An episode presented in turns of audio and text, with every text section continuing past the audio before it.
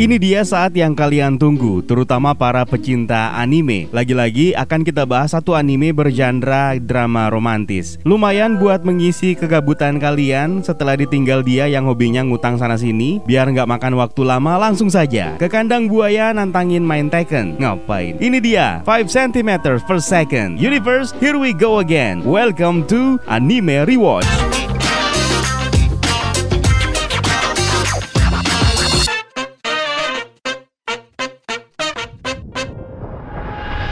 Film ini ditayangkan perdana pada tahun 2007 yang disutradarai oleh Makoto Shinkai. Siapa yang gak kenal dengan orang ini? Shinkai sendiri mengatakan kalau dalam animenya ini tidak akan ada unsur fantasi dan juga fiksi ilmiah seperti di anime movie kebanyakan dengan pengisi suara Kenji Mitsuhashi sebagai Takaki Tono, Yoshimi Kondo dan Ayaka Onoi sebagai Akari Shinohara, serta ada Satomi Hanamura sebagai Kanae Sumida. Disclaimer buat kalian yang baru saja putus dengan pacar, mendingan jangan nonton konten ini dan buat kalian yang baru kepikiran untuk nonton film ini, kita kasih spoiler warning terlebih dahulu biar kalian bisa menentukan apakah pengen lanjut nonton atau nonton filmnya terlebih dahulu.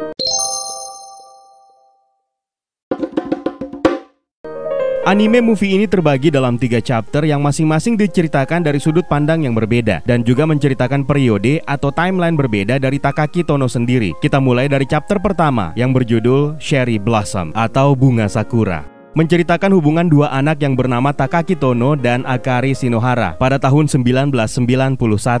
Akari ini sebenarnya adalah murid pindahan di sekolah Takaki. Terlihat mereka berdua berjalan pulang sekolah sambil mendiskusikan tentang bunga sakura yang berguguran dengan kecepatan 5 cm per detik. Mereka pun terpisah oleh palang rel kereta ketika Akari memberitahu Takaki betapa menyenangkannya untuk melihat bunga sakura yang berguguran lagi di tahun depan.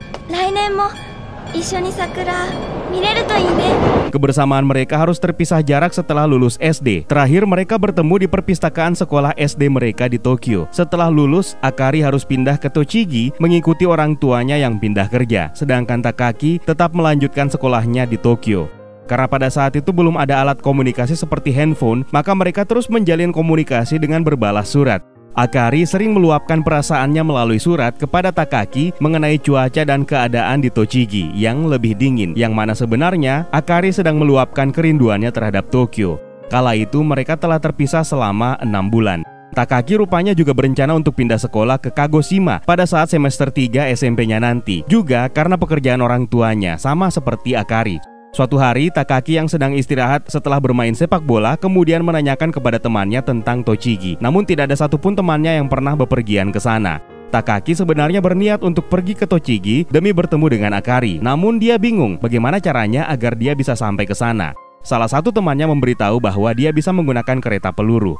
Setelah membaca isi surat dari Akari, Takaki lalu menghitung jarak antara Tokyo dan Tochigi di peta. Lalu mereka berdua pun membuat janji untuk ketemuan di stasiun kereta kota Tochigi. Sesuai janji Akira sebelum berpisah dulu, mereka akan meluapkan kerinduan di sekitar pohon sakura, menikmati indahnya bunga sakura yang akan berguguran. Akhirnya Takaki mempersiapkan segalanya sebelum bertemu dengan Akari di ruang tunggu stasiun pada malam hari. Takaki tetap memaksakan diri untuk menemui Akari meskipun pada saat itu sudah memasuki musim salju. Dalam perjalanannya di kereta, Takaki mengingat masa-masa ketika dia bersama dengan Akari yang membuat Takaki merasa bahwa mereka berdua memiliki kemiripan, pikiran, dan perasaan. Kita pun dibawa flashback ke masa SD, satu tahun setelah Akari pindah ke Tokyo dan ditempatkan sekelas dengan Takaki.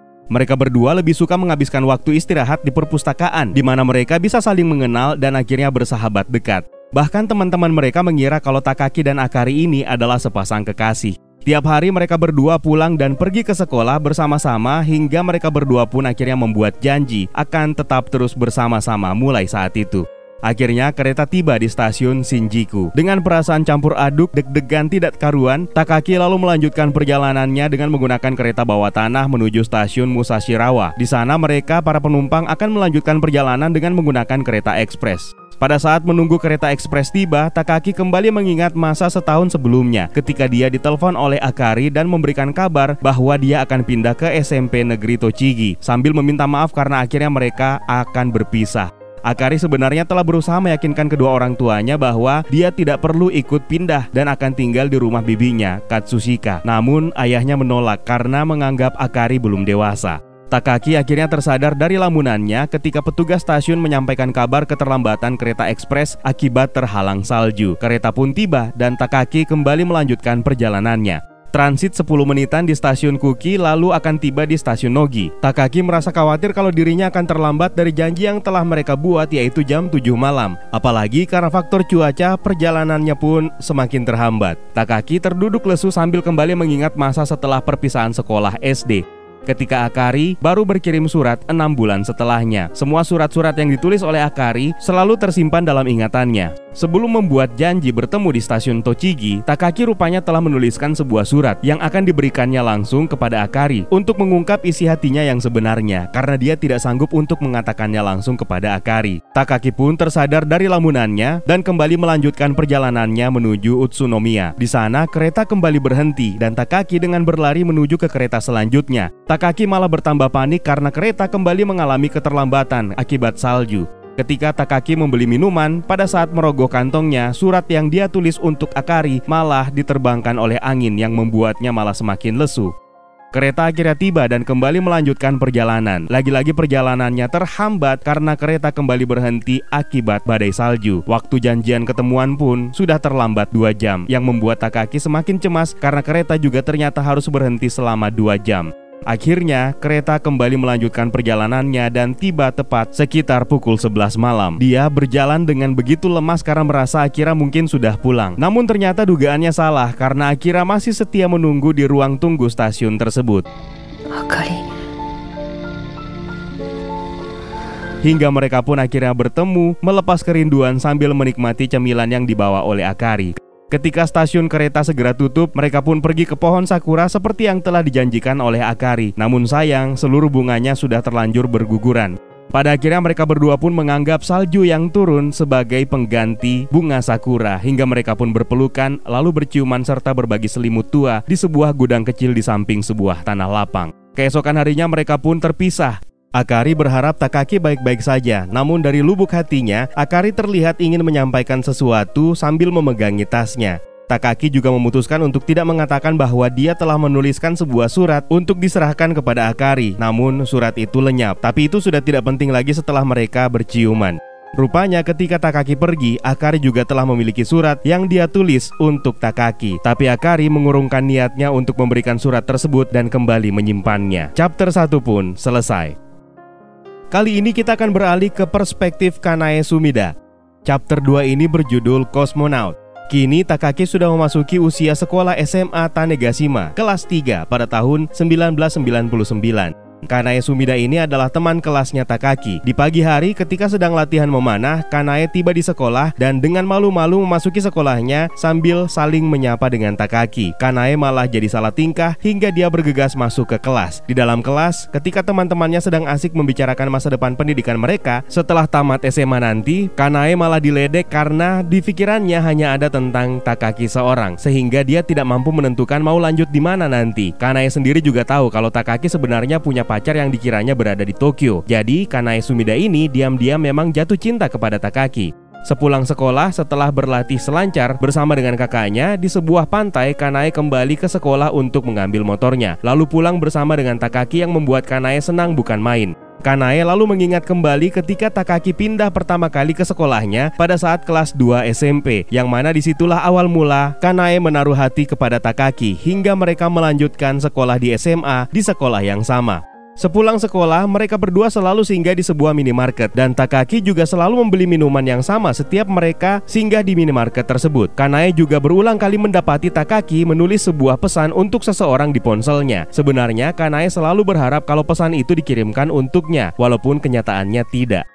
Keesokan harinya, Kanae dipanggil menghadap guru pembimbingnya karena dia belum menyerahkan formulir isian ke universitas tempat tujuan melanjutkan pendidikannya. Kanae sendiri sebenarnya masih kebingungan antara ingin melanjutkan kuliah atau mengikuti keinginan kakaknya untuk menjadi seorang peselancar handal. Di samping itu, dia juga masih memikirkan ke mana pujaan hatinya yaitu Takaki akan melanjutkan kuliah. Seperti hari-hari sebelumnya, sepulang sekolah, Kanae kembali dijemput kakaknya berlatih selancar. Setelah selesai, Kanae kembali ke sekolah sambil menunggu Takaki di parkiran. Namun rupanya Takaki sudah tidak ada hingga Kanae memutuskan untuk pulang dan singgah di minimarket sendirian. Di perjalanan, Kanae malah mendapati motor Takaki terparkir di pinggir jalan, lalu dia pun mendekatinya. Hatinya terasa pedih melihat Takaki duduk sendiri sambil menulis pesan kepada seseorang dari ponselnya sambil terkadang Takaki menangis. Kanae pun mengajak Takaki ngobrol dan memberanikan diri menanyakan ke mana tujuan Takaki setelah tamat SMA nanti. Kanae pun akhirnya membuat origami pesawat kertas dengan menggunakan formulir penerimaan universitasnya setelah mengetahui Takaki rupanya berniat melanjutkan kuliahnya di Universitas Tokyo, meski sebenarnya Takaki juga masih ragu. Perjalanan mereka tiba-tiba terhenti ketika sebuah mobil yang mengangkut peralatan persiapan peluncuran pesawat ruang angkasa. Oh iya, sekolah mereka ini memang lokasinya dekat dengan Tanegashima Space Center. Takaki tiba-tiba mengingat sesuatu yang selalu muncul di pikirannya setiap kali melihat aktivitas persiapan peluncuran roket itu. Sesampainya di rumah, Kanae merasa sangat senang ketika mengetahui Takaki juga ternyata sama dengan dirinya yang masih dipenuhi keraguan tentang masa depan pendidikannya setelah tamat SMA. Kakaknya sendiri mencoba meyakinkan ibu mereka bahwa Kanae pasti sudah memiliki pilihannya sendiri. Sementara di tempat lain, Takaki lagi-lagi menulis pesan di ponselnya. Namun ternyata pesan yang ditulisnya itu tidak pernah dia kirim karena dia kebingungan pesan itu akan dikirim ke mana. Sementara dia tidak pernah tahu nomor ponsel Akari yang berada jauh di Tochigi. Keesokan harinya, Kanae kembali berlatih selancar bersama dengan kakaknya. Kanae bersumpah, jika hari itu dia mampu menaklukkan ombak dengan papan selancarnya, maka dia akan mengungkapkan perasaan cintanya kepada Takaki yang sudah dia pendam selama ini. Rupanya Kanai berhasil menaklukkan ombak pantai setelah setengah tahun berlatih dengan giat dan kini giliran dia akan melakukan sumpahnya. Seperti biasa sepulang sekolah, Kanai menunggu Takaki muncul di parkiran dan kembali pulang bareng dan singgah di minimarket. Di parkiran, Kanae lalu menarik baju Takaki untuk menyampaikan perasaannya. Namun rupanya Kanae malah jadi takut untuk mengungkapkannya.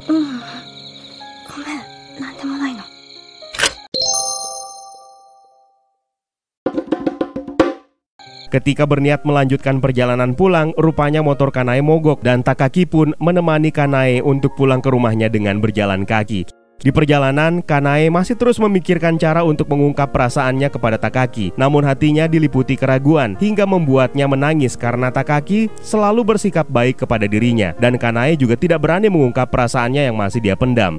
Pada saat itu, pesawat luar angkasa Minamitane akhirnya diluncurkan dan seketika itu pula keinginan Kanae untuk menyampaikan perasaannya teralihkan oleh pesawat ruang angkasa tersebut dan membatalkan niatnya karena Kanae merasa bahwa Takaki mengharapkan sesuatu yang jauh di sana yang mungkin melebihi dirinya. Di kamarnya, Kanae meratapi kesedihannya karena harus memendam begitu dalam cintanya untuk Takaki. Chapter 2 pun selesai. Kali ini kita beralih ke final chapter yang akan menceritakan lanjutan Takaki dan Akari. Chapter ini berjudul Byosoku Go Sentimeteru atau 5 cm per detik. Pada tahun 2008, Takaki akhirnya menjadi seorang programmer yang sangat sibuk di sebuah perusahaan besar di Tokyo. Di suatu hari, Takaki yang sedang bekerja di ruangannya tiba-tiba mengingat masa lalunya ketika bunga-bunga sakura berguguran. Dia lalu meninggalkan pekerjaannya dan berjalan menuju sebuah perlintasan kereta api yang merupakan jalan yang sama ketika Takaki berpisah dengan Akari semasa mereka masih SD.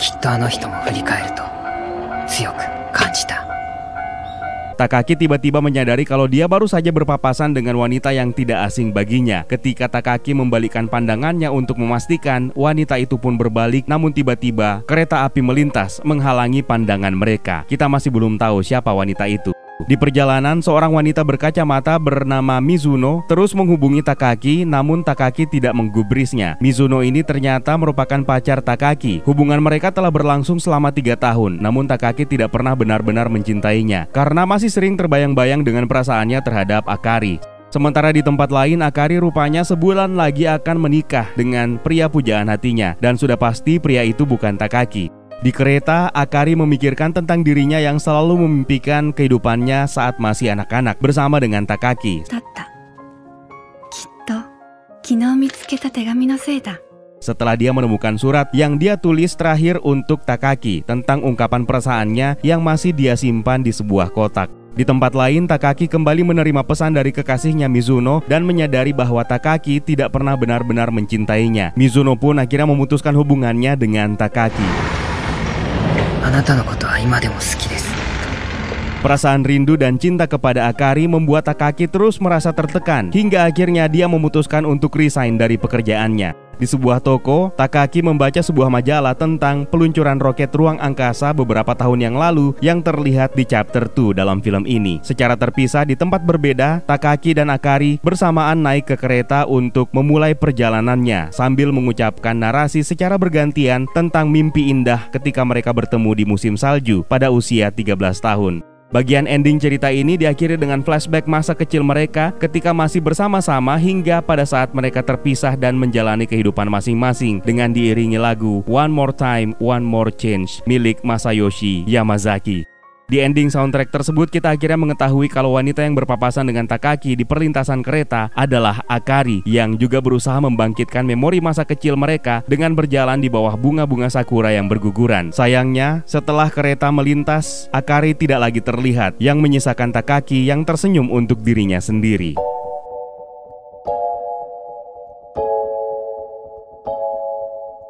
Wajar kalau film berdurasi sejam ini mendapatkan banyak pujian dan juga penghargaan. Penggambaran dan penyajian plotnya memang realistis dan relatable dengan kehidupan banyak orang, termasuk di Indonesia juga. Makoto Shinkai tidak menyanyiakan karakter-karakter yang ada di dalamnya yang membuat kita bisa berempati kepada semuanya. Meskipun saya pribadi sulit merasakan empati untuk Takaki, terlalu melankolis dan depresif sih. Dari awal voice overnya saja sudah terasa hopeless, seolah hidupnya itu tidak bisa berjalan dengan normal dan akhirnya menghasilkan kesimpulan emosi akan mengalahkan akal sehat dan penyesalan akan meruntuhkan motivasi. Untungnya di chapter kedua kita bisa merasakan sedikit simpati kepada Takaki yang dengan ikhlas selalu ramah dan baik kepada Kanae Sumida. Beruntung juga di ending Makoto Shinkai tidak menjadikannya sebagai happy ending dengan mempertemukan Takaki dan Akari yang akan membongkar secara keseluruhan plot yang sudah disusun sejak awal dengan rapi dan menyentuh. Ada beberapa hal menarik yang bisa kita dapatkan dalam anime yang satu ini. Kereta menjadi objek yang akan kita benci di sepanjang film film karena kereta inilah yang menjadi penghalang dan bahkan menjadi pemisah Takaki dan Akari. Sedari awal ketika mereka terpisah di SD, lalu semasa SMP perjuangan Takaki menemui Akari di Tochigi selalu dihambat oleh kereta yang terlambatlah, transitnya kelamaan lah sampai di ending yang mana kereta malah memisahkan mereka lagi. Sementara roket hanya menjadi simbol harapan dan cita-cita yang melayang dan tidak akan pernah kunjung bisa dicapai dengan begitu mudah. Judul film ini sendiri 5 cm per second